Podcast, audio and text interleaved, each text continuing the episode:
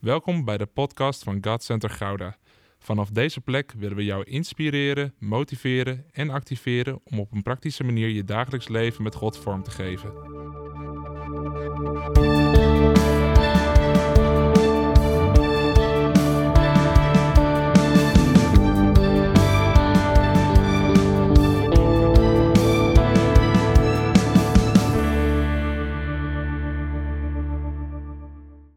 Want we gaan het hebben over de veranderende kracht van de Heilige Geest. En ik geloof dat er een veranderende werking gaat intreden. We zitten midden in de serie Switch. En ik geloof dat er een switch gaat plaatsvinden, ook vanochtend hierin. We hebben het zo nodig dat we de kracht van de Heilige Geest ons weer in ons leven toelaten. En dat we daarin gaan wandelen. En dat we daarin dus ook gaan begrijpen hoe Hij werkt en waarom Hij zo werkt. Omdat we het anders niet gaan pakken, omdat we teruggrijpen naar het oude.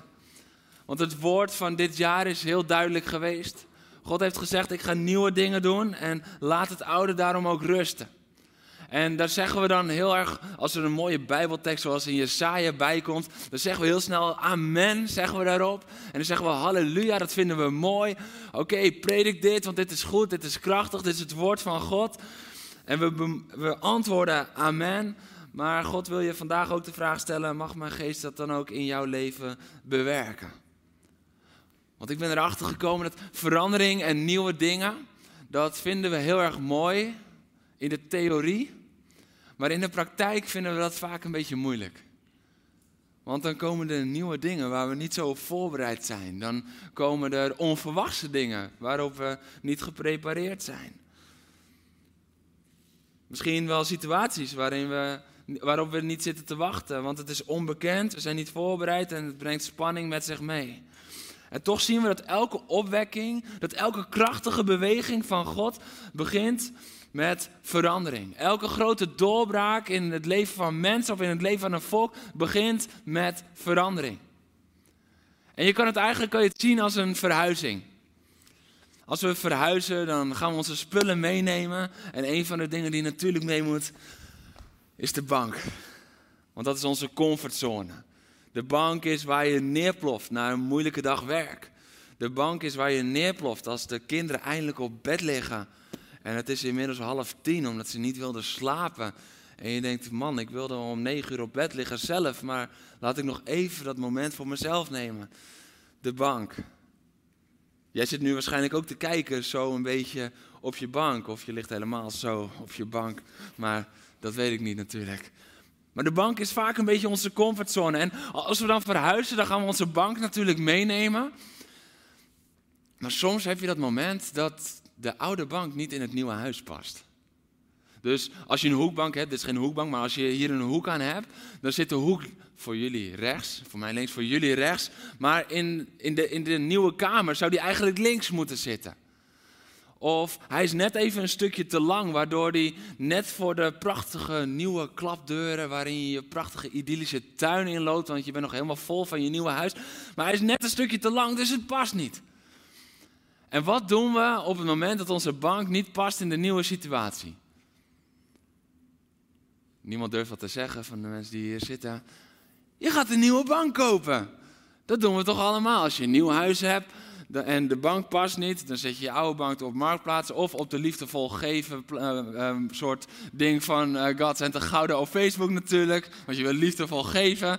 Als je daar nog niet bent aangemeld, zoek hem vooral op. Oké, dit is een soort sluimerreclame. Maar in ieder geval, ehm, je gaat een nieuwe bank kopen en je doet die oude weg. Want je denkt, nee, dit, dit, dit past niet meer. Maar weet je wat we geestelijk vaak doen?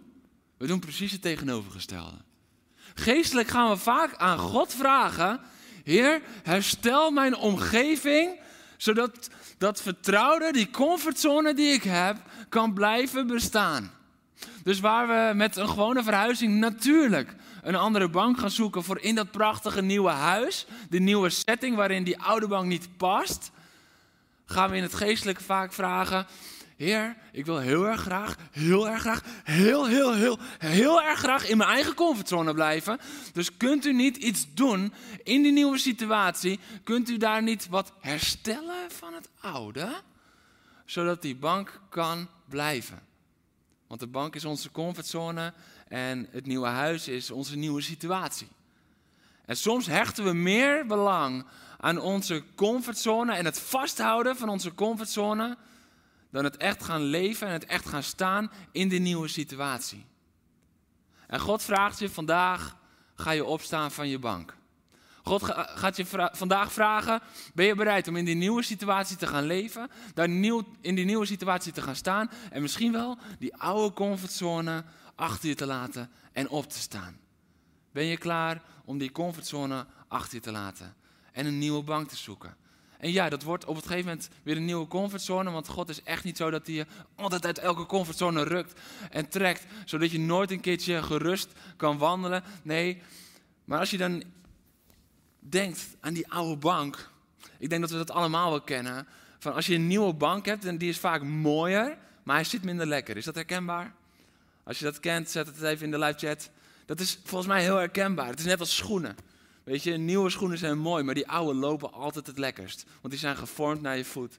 En zo is het met je bank ook, weet je wel. Je hebt, op een of andere manier hebben mensen ook altijd gewoon een eigen plekje op de bank. Is dat je wel eens opgevallen? Dat ze je ook gewoon boos aankijken als je op visite bent en je gaat per ongeluk op hun plekje op de bank zitten? Ja, toch? Ja, nee, maar dat, dat, dat, komt gewoon omdat die bank die vormt langzaam naar de vorm van je billen. En dat is helemaal voorgevormd. En daarom zit jij zo lekker in je comfortzone op die bank, op die plek. Maar God zegt je vandaag, het is tijd om die comfortzone achter je te laten. En te zeggen, ik ben bereid om van de bank af te stappen. Ik ben bereid om niet langer dat oude en vertrouwde en die comfortzone meer te gaan waarderen en te blijven waarderen dan dat nieuwe dat is gekomen, dat nieuwe dat u heeft gegeven. Ik heb nog nooit iemand gehoord die zei, oh ik ben zo blij met mijn nieuwe huis geweest, tot ik erachter kwam dat die bank niet paste en toen dacht ik, was ik maar weer terug in mijn oude huis. Ik heb nog nooit iemand zoiets horen zeggen. Diegene die, die, die, die zou je ook pastorale hulp gaan aanbieden als iemand zoiets zou zeggen. Maar weet je dat we dat geestelijk dus wel heel vaak doen? Dat we zeggen, oh ja, ik was zo blij dat God iets nieuws ging doen. En het is zo krachtig en het is zo goed. God moet iets nieuws doen. Maar toen kwam ik erachter dat dat ten koste gaat van mijn comfortzone.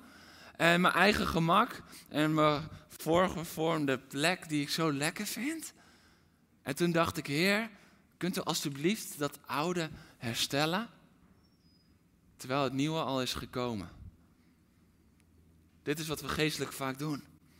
Maar de kerk zit in een nieuwe fase. Dit jaar 2021, de kerk zit in een nieuwe fase. De kerk is geen instituut. De kerk is een steeds veranderende beweging vanuit de leiding van de altijd dezelfde God. Maar we moeten blijven bewegen, we moeten blijven veranderen. Want de beweging verandert door de veranderende kracht van de Heilige Geest om het blijvende koninkrijk van God te bouwen. Dus de beweging verandert door de veranderende kracht van de Heilige Geest. Maar dat is om het blijvende koninkrijk van God te bouwen. Het koninkrijk van God, dat verandert niet. Maar de beweging van de Heilige Geest wel. Omdat elke tijd, elke plaats, elke situatie heeft een andere beweging nodig om het koninkrijk van God daar te bouwen. Dat koninkrijk van God blijft wel hetzelfde, maar we moeten leren intappen in de veranderende beweging en kracht van de Heilige Geest. Anders blijven we teruggrijpen naar het oude. Ga je zo direct nog een voorbeeld geven over hoe we vaak heel erg geestelijk en heel erg vroom praten over dat oude. En dan denken we met z'n allen van, wauw, die heeft het helemaal begrepen. En wat heilig en wat, wat krachtig, wat geestelijk. Terwijl het eigenlijk gewoon een obstructie is voor het nieuwe dat de geest wil doen. Ik wil met je lezen in Handelingen 1. Handelingen 1 is net na de opstanding van Jezus en net voor Pinksteren en de hemelvaart. En daar zien we een gesprek tussen Jezus en de discipelen. En daarin zien we ook dat verlangen naar het oude, terwijl Jezus zegt nee, maar het nieuwe gaat komen. Ik wil je vragen om van je bank op te staan. Laten we dat alvast in praktijk brengen. Van die heerlijke comfortzone op te staan en te gaan staan voor het woord van God. We gaan lezen Handelingen 1 vanaf vers 3 tot en met 8. Na zijn lijden en dood heeft hij hun herhaaldelijk bewezen dat hij leefde. Hij is natuurlijk de Heer Jezus. Gedurende veertig dagen is hij in hun midden verschenen en sprak hij met hen over het koninkrijk van God. Toen hij eens bij hen was, droeg hij hen op: Ga niet uit Jeruzalem, maar blijf wachten tot de belofte van de Vader, waarover jullie van mij hebben gehoord, in vervulling zal gaan. Johannes doopte met water, maar binnenkort zullen jullie gedoopt worden met de Heilige Geest. Zij die bijeengekomen waren vroegen aan hem: Heer, gaat u dan binnen afzienbare tijd het koningschap van Israël herstellen? Hij antwoordde: Het is niet jullie zaak om te weten wat de Vader in zijn macht heeft vastgesteld over de tijd en het ogenblik waarop deze gebeurtenissen zullen plaatsvinden. Maar wanneer de Heilige Geest over jullie komt, zullen jullie kracht ontvangen en van mij getuigen in Jeruzalem, in heel Judea, Samaria en tot aan het uiteinde van de aarde. Tot aan het uiteinde van de aarde. Je mag weer lekker op je comfortzone gaan zitten. Straks mag je er weer afkomen. Bereid je maar alvast voor. Ik wil nog één keertje vers 6 lezen. Met je. Zij die bijeengekomen waren, vroegen hem: Heer, gaat u dan binnen afzienbare tijd het koningschap van Israël herstellen? Terwijl Jezus 40 dagen heeft gesproken over het koninkrijk van God, het nieuwe dat is gekomen, is de eerste vraag die ze stellen. Gaat u het koninkrijk van Israël weer herstellen? Jezus heeft 40 dagen heeft hij erover, erop gehamerd wat het koninkrijk van God inhoudt. Het nieuwe, het is, het is nu gekomen. We zijn er nu klaar voor. Het is gesticht. Het koninkrijk van God is gekomen. En de eerste vraag die ze stellen is: gaat u het koninkrijk van Israël dan weer herstellen? Je bent net verhuisd en het eerste wat je vraagt is: zou die woonkamer niet iets meer kunnen lijken op mijn oude woonkamer? Zodat mijn bank erin past, want dan ben ik in mijn comfortzone en dan weet ik een beetje wat ik moet doen. Want dat nieuwe koninkrijk van God, dat is misschien nog wel wat uitdagend, want ik weet niet zo goed wat het precies inhoudt. Maar ze vragen terug naar vroeger. De kracht van de Heilige Geest doet nieuwe dingen en gaat verder waar jouw verwachting stopt, maar de discipelen kijken naar het oude. Die kijken, heer, vroeger hadden we een koning. Vroeger hadden, waren we onze eigen baas. Ja, nu worden we overheerst door de Romeinen. Maar vroeger hadden we een koning en waren we een krachtig koninkrijk. Kunt u dat herstellen? Dat koninkrijk. Terwijl Jezus het daarvoor 40 dagen lang heeft gehad over een nieuw koninkrijk. En ik wil je vragen, welke vroeger roep jij uit naar God? Welke vroeger roep jij vaak uit naar God? Heer, kunt u dit herstellen? Heer, weet u nog toen? Zou het niet kunnen zijn zoals toen? En God zegt nee, want ik kijk vooruit. God zegt nee, ik wil niet herstellen van toen, want ik wil brengen voor nu en voor straks. Maar soms beperken we God en limiteren we Hem omdat we zo bezig zijn met toen. En dat we daarna terug willen dat het in de weg staat om vooruit te gaan in ons leven. De veranderende kracht van de Heilige Geest is de Heilige Geest die steeds iets nieuws doet. Die niet de hele tijd aan het herstellen is, maar die nieuwe dingen aan het doen is. Het oude is voorbij, het nieuwe is gekomen. Zie, ik doe nieuwe dingen, laat het oude rusten. Het was goed. Het was goed voor toen. Die bank die was goed voor in je oude huis. Voor in de oude situatie, voor in de oude plek. Het was goed.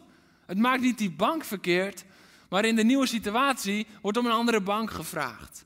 In de nieuwe situatie wordt om iets nieuws gevraagd. Ook geestelijk is dat zo. Misschien zit je in een transitie dat je denkt, ja, vroeger deed ik dit altijd voor God, maar nu ja, voel ik dat er wat anders komt. Maar eigenlijk vind ik het veel fijner om bij dat oude te blijven.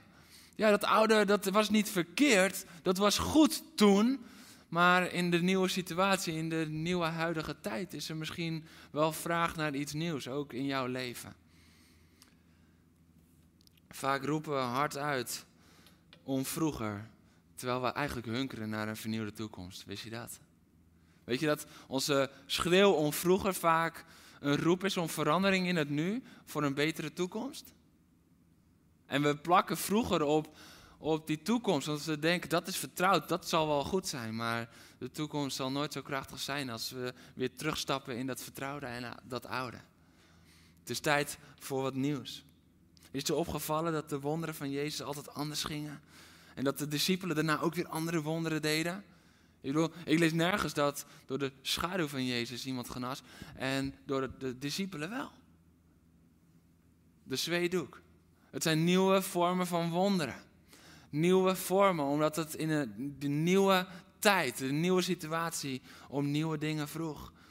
En wij limiteren God door onze manier van denken over hoe Hij kan werken. Omdat we willen dat hersteld wordt wat ooit vernieuwend was. Ik heb dit opgeschreven. De kracht van toen is dat het vernieuwend was. Dus als we dat dan hersteld zien worden, zal het nooit dezelfde kracht hebben, omdat het niet langer vernieuwend is, maar herstellend is. Ik ga het nog een keer voor je herhalen. De kracht van toen is dat het toen vernieuwend was. Dus als het nu hersteld wordt, zal het nooit dezelfde kracht hebben als toen, want het is niet langer vernieuwend, maar het is herstellend. En waar de discipelen vroegen: wanneer gaat u het nieuwe konings, gaat u het oude koningschap herstellen? Sprak Jezus al over het nieuwe koninkrijk. Dus ze hadden nog steeds hadden ze de essentie gemist. Weet je, soms kunnen wij zo op dat oude koningschap, wat prima was voor die tijd, maar niet goed is voor jouw toekomst, kunnen we ons zo oprichten dat we missen dat er een nieuw koningschap, een nieuw koninkrijk al is.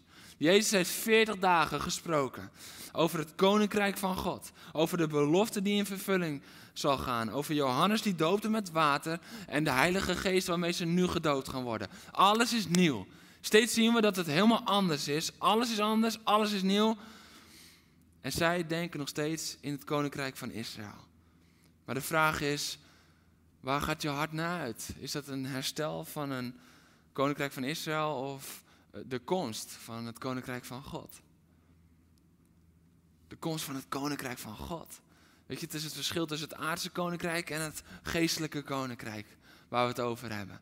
Dit is het verschil. Dat oude was prima voor die tijd. Had God gegeven voor die tijd. Maar niet om in te blijven hangen.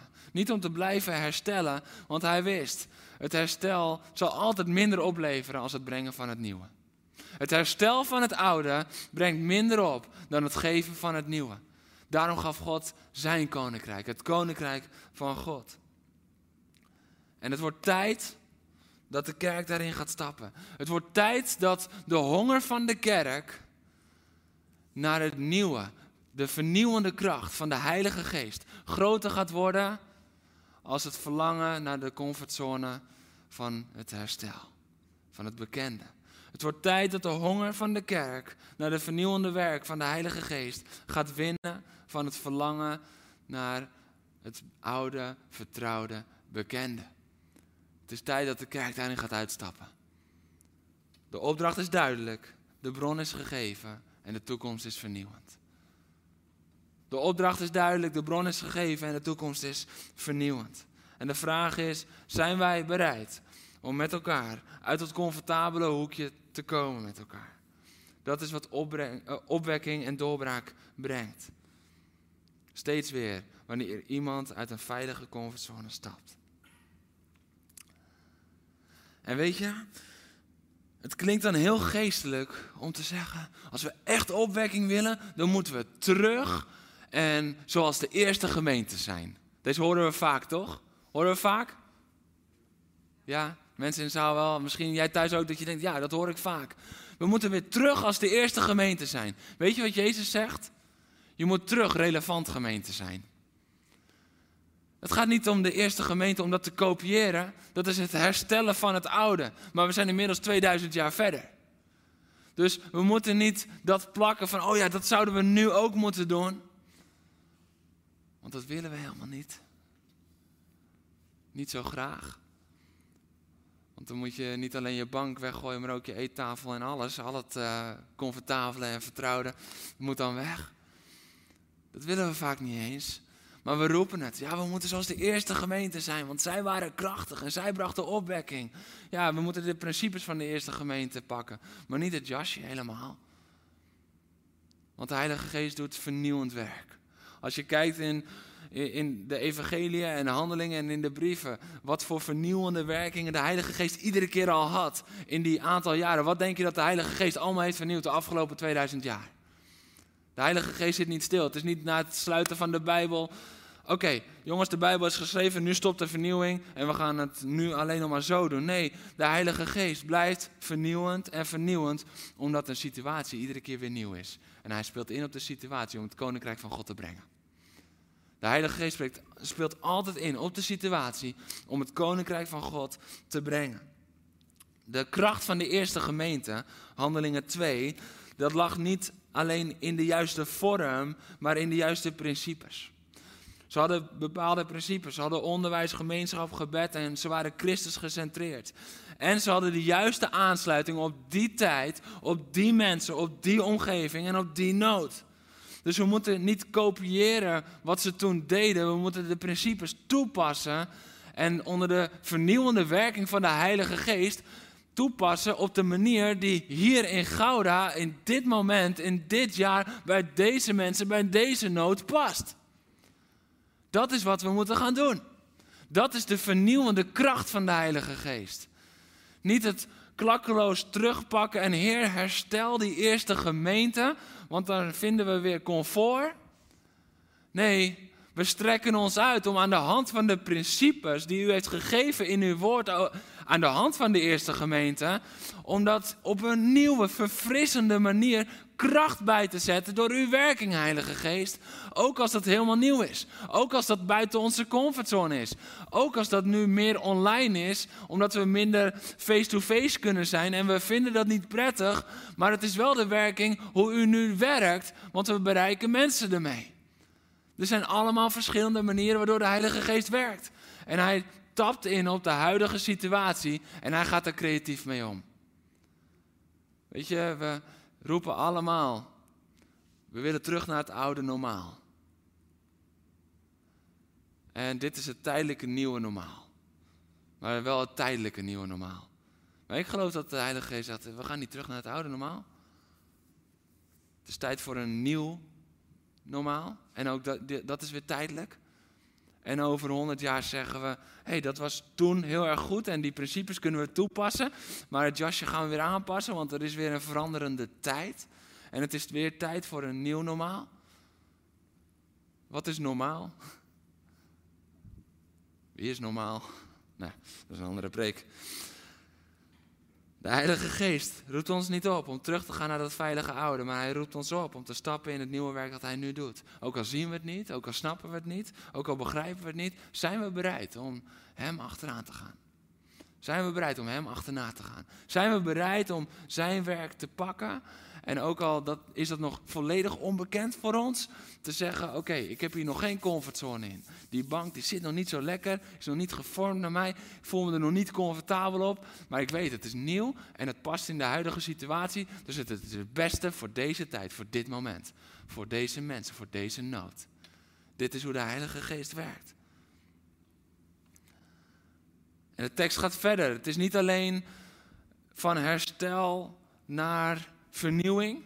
Want dat is wat, wat, wat Jezus hier duidelijk maakt. Nee, het, is, het gaat niet om herstel, jongens. Jullie verlangen terug naar het koninkrijk. Nee, maar het gaat om vernieuwing.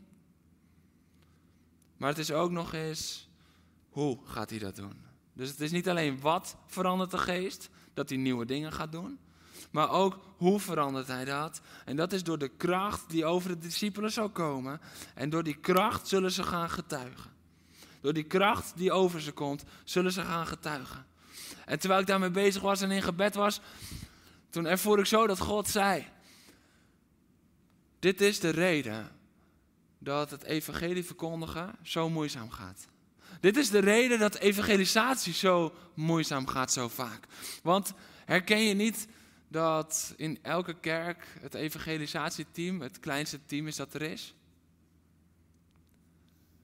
Dat daar de minste animo voor is, dat je daar het hardste aan moet trekken om daar mensen voor te krijgen, om het evangelie te verkondigen.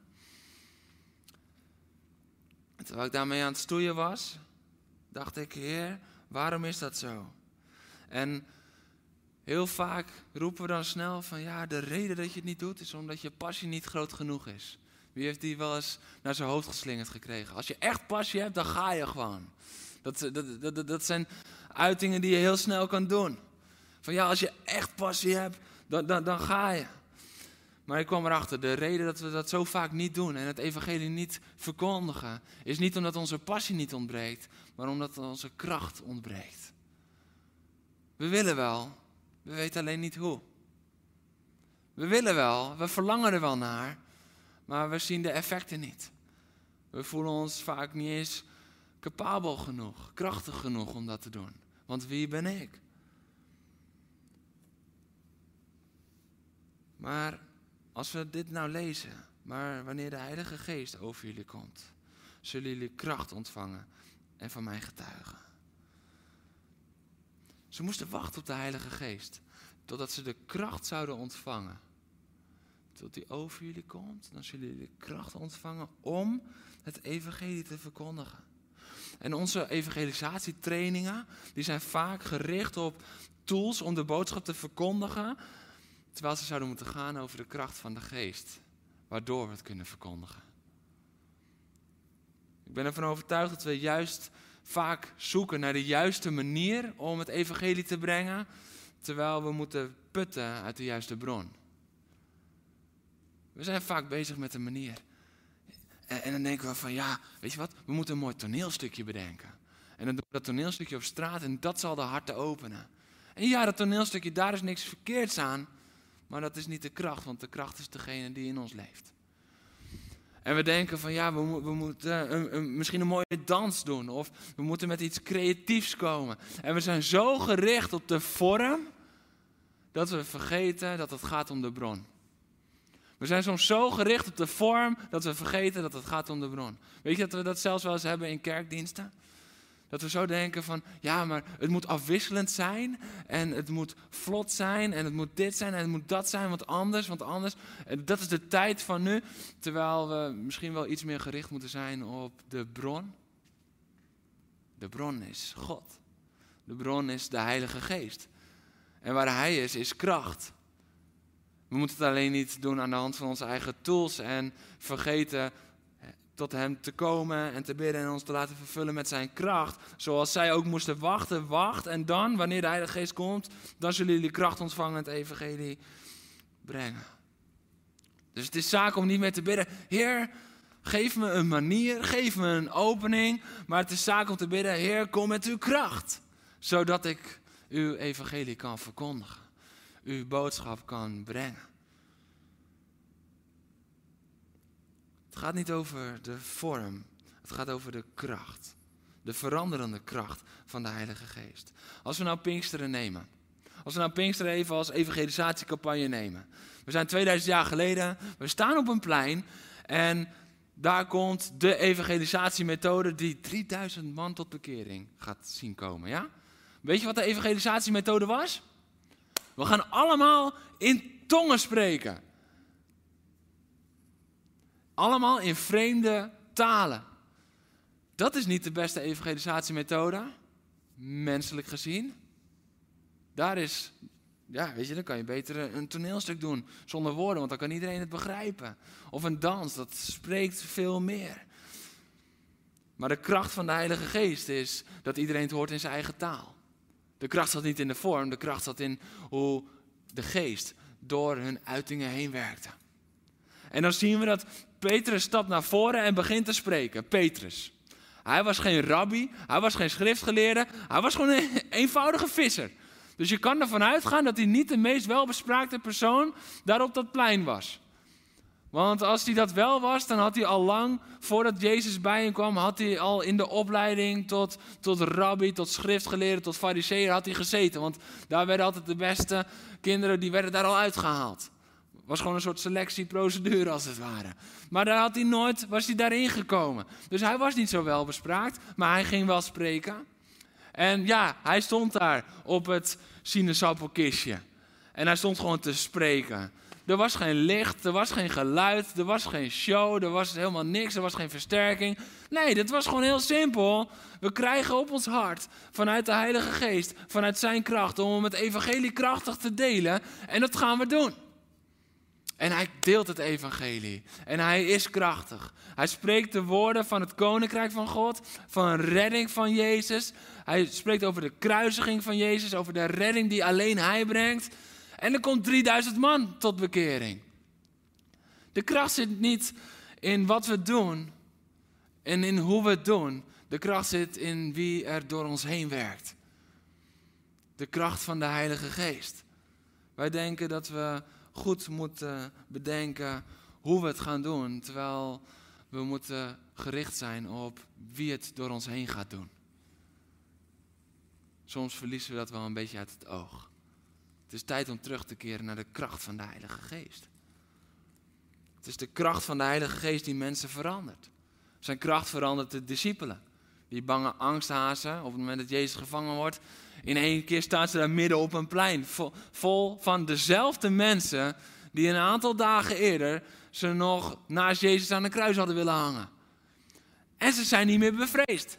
De kracht van de Heilige Geest verandert de discipelen, verandert mensen. De kracht van de Heilige Geest verandert Paulus. Een ontmoeting met Jezus en de kracht van de Heilige Geest maakt dat hij radicaal achter Jezus aangaat. Dat er niks meer uitmaakt, wat het hem ook kost. De kracht van de Heilige Geest maakt dat de mens überhaupt levend is. Want God blies zijn levensadem, de ruach, blies die in. En daardoor werd de mens een levend wezen. De geest maakt hem levend. Dit is wat de kracht van de Heilige Geest doet. Het verandert mensen. Dat is ook de reden dat ik trouwens heel chill ben als ik, als ik aan het spreken ben tegenwoordig. Als je zegt van joh, ja, het heeft me niet zoveel gedaan, het heeft geen verandering in mijn leven gebracht, dan weet ik dat verandering niet afhankelijk is van mijn kwaliteit, maar van de kracht van de geest. Weet je hoe ontspannend dat is? Als je dat beseft, dan durf je misschien ook wel veel meer te spreken tot anderen. Tot groepen, maar ook gewoon één op één. Dan durf je veel meer. Dus kom niet zeggen dat de preek niet goed genoeg was voor verandering, want de kracht van de geest is gelukkig veel groter dan mijn tekortkomingen. Dat is chill. Dat is chill als je bij familie bent, als je bij vrienden bent, als je bij collega's bent. hey, misschien komt het een beetje stotterend uit als je iets wilt delen over het evangelie en weet je niet zo goed hoe je dat moet doen, omdat je twijfelt aan je eigen capabelheid. Van kan ik dit wel? Kan ik het wel goed uitleggen? Snap ik wel genoeg van de Bijbel om hun vragen die gaan komen te beantwoorden? En het houdt ons tegen. Hé, maar de kracht van de geest is groter dan jouw tekortkomingen. Gelukkig. De kracht van de geest is altijd groter dan jouw tekortkomingen. Dus we moeten leren uitstappen. Ook al zijn we ons misschien even heel erg bewust van onze tekortkomingen. En die momenten heb ik ook nog heel geregeld. Dat ik denk, ja, dat kan beter. Daar schiet ik tekort. Maar dan besef ik me weer, maar de kracht van uw geest is groter. Het is niet afhankelijk van mijn kwaliteit en ik mag doen wat ik kan doen. Maar Heer, u doet wat u kan doen. En wat u kan doen, door mijn tekortkomingen heen, is groter als wat ik ooit kan bewerken door aan de kwaliteit te winnen. Het gaat om de kracht van uw geest. Het gaat om de kracht van uw geest. Ik wil je één vraag stellen. Ben je verlangend naar de kracht van de geest? Ben je er verlangend naar? En voordat je ja roept, ook als dat betekent dat je niet teruggaat naar iets ouds, maar in iets compleet nieuws terechtkomt. Ben je verlangend naar de kracht van zijn geest. Want we kunnen niet roepen, Heer, werk met uw geest om mij heen, maar doe het wel zoals het comfortabel is op mijn lekkere plekje op die bank. Heer, werk nu maar door uw geest heen. Doe maar nieuwe dingen om mij heen, als die bank maar kan blijven. Als die comfortzone maar kan blijven. Want dat vind ik zo vertrouwd, dat vind ik zo veilig, dat vind ik zo fijn. Dit is niet hoe God werkt. Als we bidden om zijn geest, moeten we bereid zijn om alles achter te laten. Als we bidden om zijn geest, om de kracht van zijn geest, moeten we bereid zijn voor iets volledig nieuws. Ik wil afsluiten met een openbaring die ik kreeg, waar ik nogal enthousiast over ben. Let op. De Heilige Geest kwam niet om het oude koningschap te herstellen maar om dat nieuwe koningschap te bekrachtigen. Het oude koningschap is niet meer relevant. Dat oude, wat toen zo relevant was, want het koningschap was relevant, is niet langer relevant. En wij denken vaak nog, Heer, herstel dat oude koningschap. Maar Jezus zegt, nee, het nieuwe koningschap is gekomen. En dat oude koningschap, dat was een aards koningschap. Dat was het koningschap van de koning van Israël. Van het volk Israël. En dat was een aards koningschap. Maar dat was nooit helemaal de bedoeling van God geweest. En God zegt, hé, hey, maar ik ga wat beters geven. Dat oude koningschap, dat was voor toen, voor tijdelijk was dat prima. Maar ik ga nu wat nieuws geven en dat is bovennatuurlijk. Dat is veel dieper, dat gaat veel verder, dat is veel vernieuwender, dat is veel krachtiger, geeft veel meer veiligheid. Dat is het koninkrijk van God. En dat oude koningschap, dat was het koningschap van één volk. En in dat nieuwe koningschap, wat ik door de kracht van mijn Heilige Geest ga bewerken, dat nieuwe koningschap, dat is alomvattend. Dat is niet meer alleen Israël, dat is niet meer alleen Israël, maar dat is Jeruzalem, Judea, Samaria, tot aan het uiteinde van de aarde. Als Jezus hier niet het koninkrijk van God zo had ingesteld, als de kracht van de Heilige Geest niet betekende dat het uitgebreid werd, dan hadden we nu, hadden wij buiten de boot gevallen met elkaar. Want we zijn niet vanuit het volk Israël, we zijn geen Joden. We zijn heidenen. Maar die zijn opgenomen in het koninkrijk van God. Dus wees dankbaar dat niet het koninkrijk van Israël is hersteld, zoals de discipelen nog steeds voor ogen hadden en zo lekker hadden gevonden. Maar dat het koninkrijk van God is gekomen, waardoor wij erin geïncluseerd zijn. Is dat een woord, geïncluseerd? Woord van 2021. Wij zijn daarin opgenomen. Jezus zei: Mij is alle macht gegeven in de hemel en op aarde. Daarvoor had de duivel de macht hier op aarde. Totdat Jezus de dood inging en hem ontwapende en onttroonde. Onttroonde, zodat hij ook nu koningschap over de aarde kon hebben. Jezus regeert hier nu op aarde. En de duivel kan nu alleen nog maar als een briesende leeuw rondgaan. Als, hij is geen briesende leeuw, als een briesende leeuw rondgaan. Omdat hij zijn koningschap over de aarde is verloren. Dit is het koninkrijk van God. Maar dank God dat hij niet het koninkrijk van Israël heeft hersteld, maar dat hij het koninkrijk van God heeft ingesteld. Hij heeft niet hersteld, hij heeft iets nieuws ingesteld. En daar moeten we dankbaar voor zijn.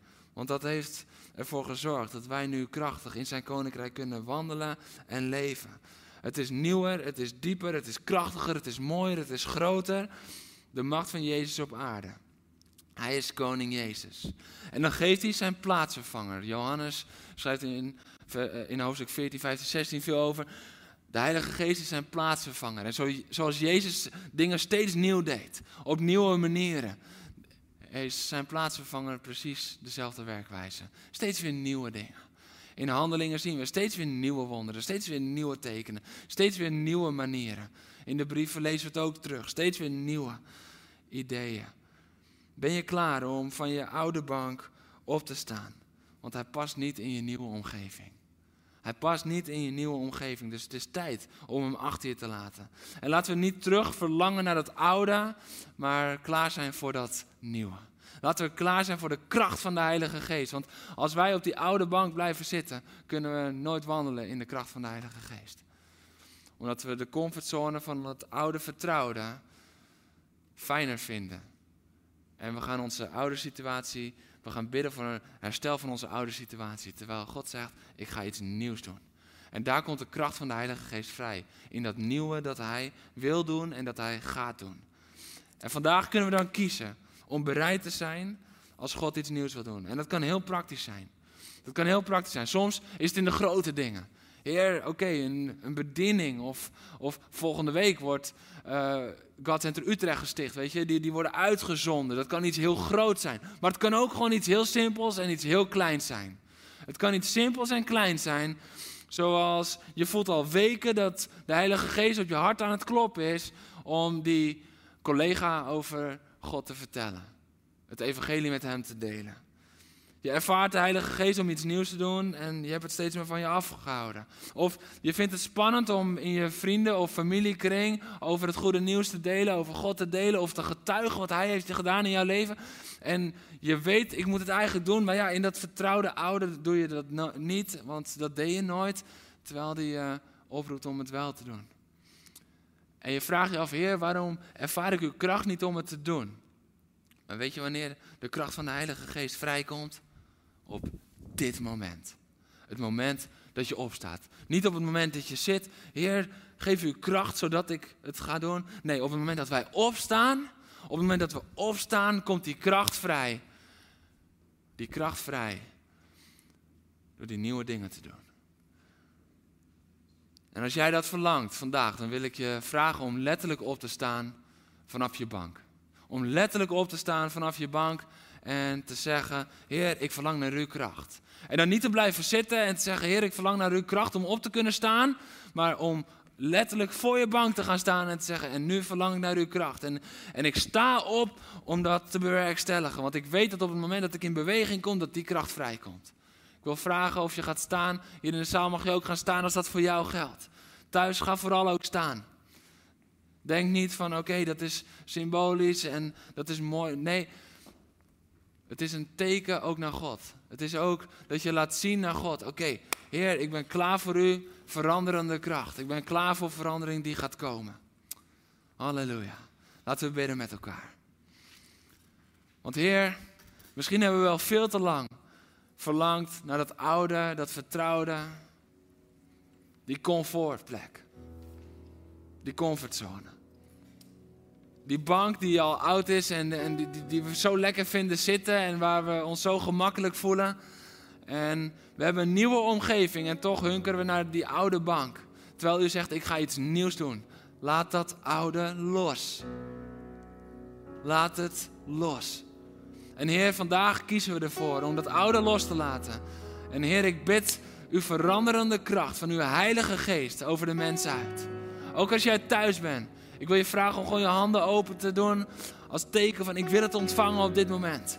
Heer, op dit moment bidden we, Heer, uw veranderende kracht uit over een ieder die thuis is. Heer, ik bid uw veranderende kracht, Heilige Geest uit over een ieder die thuis is opgestaan om in uw veranderende kracht te gaan wandelen.